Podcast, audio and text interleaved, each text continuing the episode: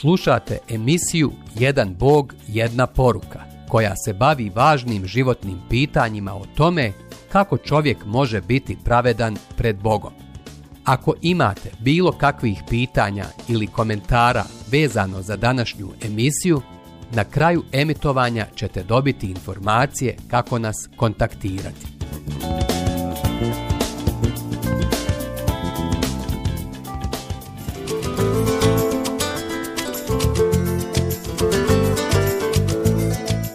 Jedan Bog, jedna poruka. Treće poglavlje. Iskrivljena ili očuvana. Sahne trava, vene cvijet, ali riječ Boga našega ostaje do vijeka. Prorok Izaija, 40. glava, 8. stih. Slijede pisma i kompjuterske poruke koje sam izabrao kao tipične sa sve četiri strane svijeta. To su stavovi i razmišljanja više od milijarde ljudi naše planete. I mi vjerujemo u božansku nadahnutost Svetog pisma, ali samo u originalu.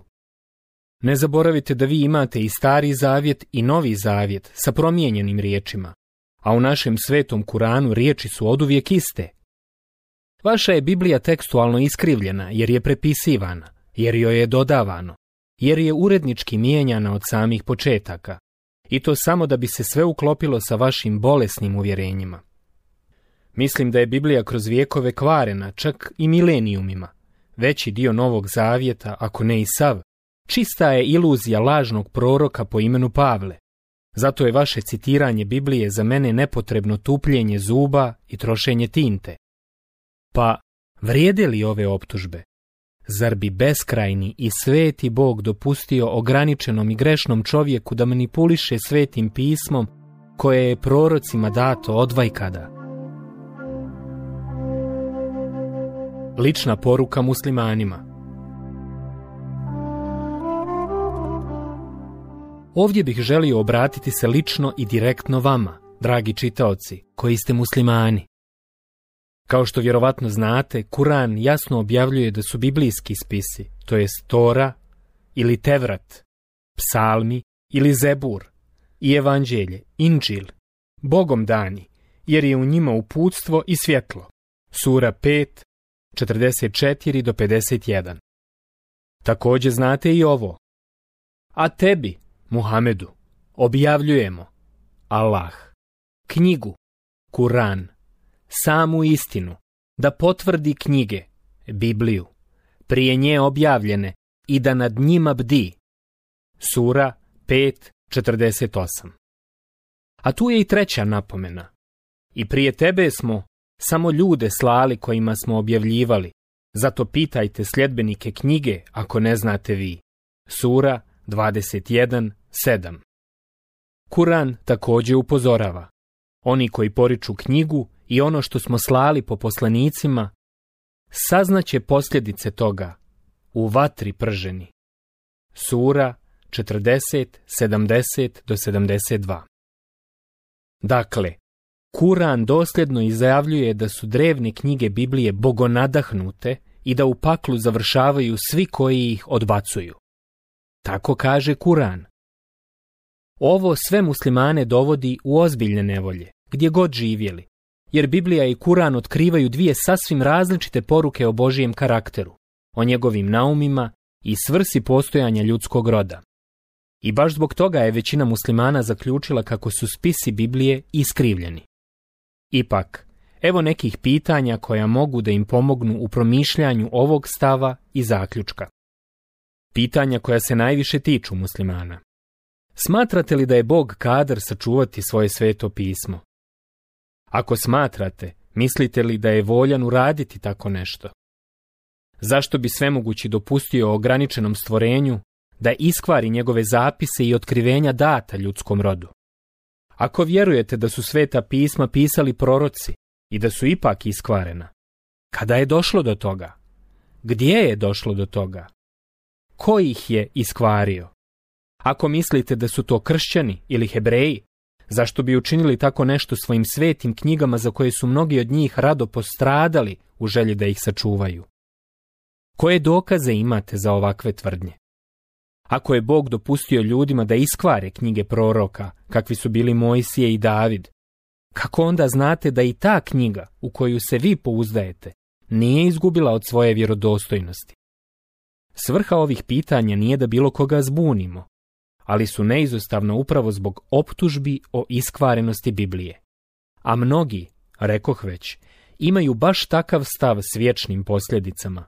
Zato dodatno pitam, mislite li da su biblijski spisi iskvareni prije ili nakon objave Kurana?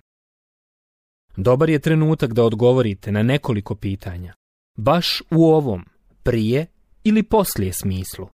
Možda je dobro i da zapišete svoja razmišljanja prije. Ako mislite da je Biblija iskvarena prije pisanja Kurana, zašto onda vaša sveta muslimanska knjiga zove ovu iskvarenu knjigu uputstvom i svjetlom ljudskog roda? Zašto je ne zove zabludom i mrakom? Zašto Kuran kazuje Sljedbenicima Inđila smo bili naredili da sude prema onome što je Allah objavio u njemu. Sura 5, 46 do 47. Zašto onda Kuran ističe? Allahove riječi niko ne može izmijeniti. Sura 10.46 Ako se biblijski spisi smatraju nepouzdanim, zašto Kuran zapovjeda? Ako sumnjaš u ono što ti objavljujemo, upitaj one koji čitaju knjigu, prije tebe objavljenu. Sura 10.94 Ili, donesite tevrat, pa ga čitajte, ako istinu govorite sura 3, 93. Evo i ovog priznanja Kurana. Neki od njih uvijaju jezike svoje čitajući knjigu, da biste vi pomislili da je to iz knjige, a to nije iz knjige. I govore, to je od Alaha, a to nije od Alaha, I o Alahu svjesno govore laži. Sura 3, Pošteno. Ali Biblija i pored toga ostaje i nepokvarena i sasvim skladne poruke. Poslije opet, ako smatrate da su spisi Biblije iskvareni poslije pisanja i objave Kurana, onda je vrijeme da se istakne sljedeća činjenica. Biblije koje se danas čitaju prevodi su drevnih manuskripta koji su vijekovima stariji od Kurana. Dakle, u vrijeme kada se Kuran prvi put citirao, Biblija je uveliko dijeljena i čitana u Europi, Aziji i Africi. Već je bila prevedena na mnoge jezike, poput latinskog, sirijskog, koptskog, gotskog, etiopskog i ermenskog. Zamislimo se nad tim. Kako je bilo koja grupa ljudi uspjela iskvariti knjige koje su već bile tako omiljene i raširene, prevedene na tolike jezike, prepisane u stotine hiljada primjeraka i rasparčane širom tadašnjeg svijeta.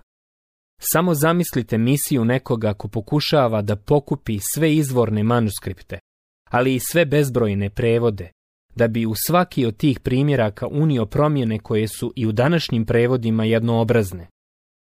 To bi bila vrlo, vrlo nemoguća misija. Zato je i zaključak sasvim jasan.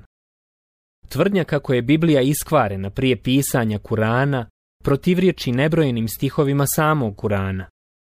Tvrdnja da je knjiga nad knjigama prepravljana nakon pisanja Kurana protivriječi i istorijskim i arheološkim dokazima.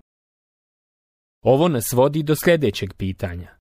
Odakle nam zaista dolaze najstariji biblijski prepisi, takozvani manuskripti, kao i njihovi prevodi? Gdje su originalni, izvorni spisi? Originali i njihovi potomci Pošto je činjenica da sve na ovom svijetu, pa i knjige, nestaje, tako ni originalni, izvorni, biblijski manuskripti, autografi više ne postoje. Umjesto toga u muzejima i na univerzitetima širom svijeta imamo na hiljade sačuvanih ranih prepisa, to jest potomaka, originala pisanih rukama proroka. Bilo da se radi o Tori, o evanđeljima, Josipu Flaviju, ili daleko mlađem Kuranu, svi njihovi originali su se pretvorili u prah i nestali su. Tako je sa svim knjigama stare antike, imamo samo njihove potomke. Elem, u Senegalu većina ljudi vjeruje da je Biblija čist falsifikat, uopšte joj ne vjeruju. Ali paradoks je što vjeruju svojim griotima, to jest pripovjedačima predanja, usmene tradicije. Njihov je glavni zadatak da pamte i prenose rodoslovlja i predanja svoje porodice, klana ili sela, te tako predaju svoju istoriju narednom naraštaju.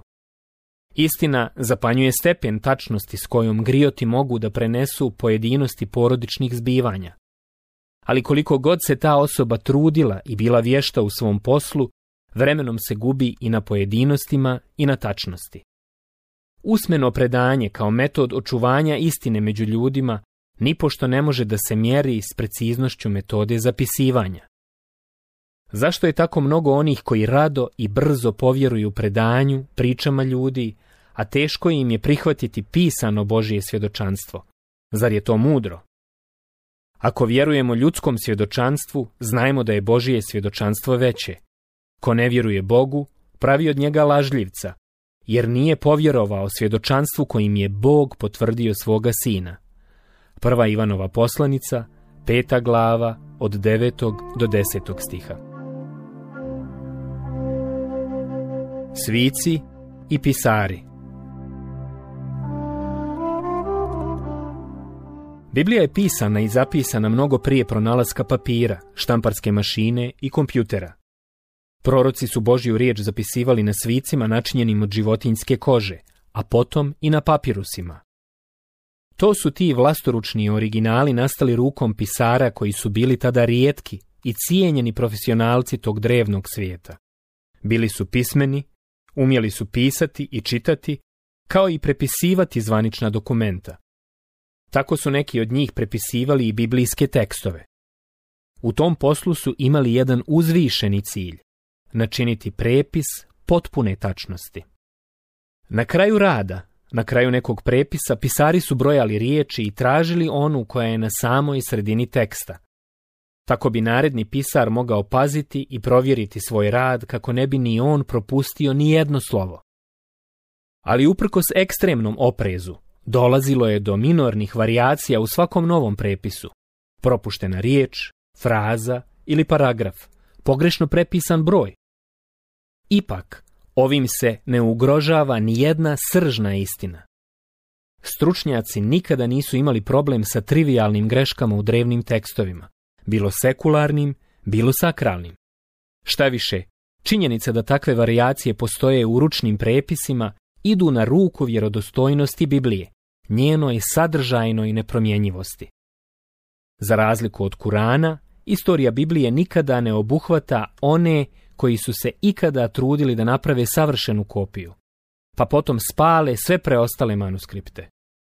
Bog je svoju poruku za nas čuvao.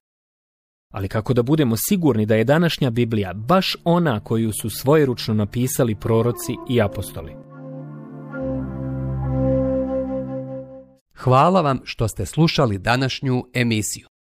Kontaktirajte nas putem našeg e-maila putpravednosti.bih.com at gmail.com ili putem naše Facebook stranice Put pravednosti. Do sljedećeg slušanja.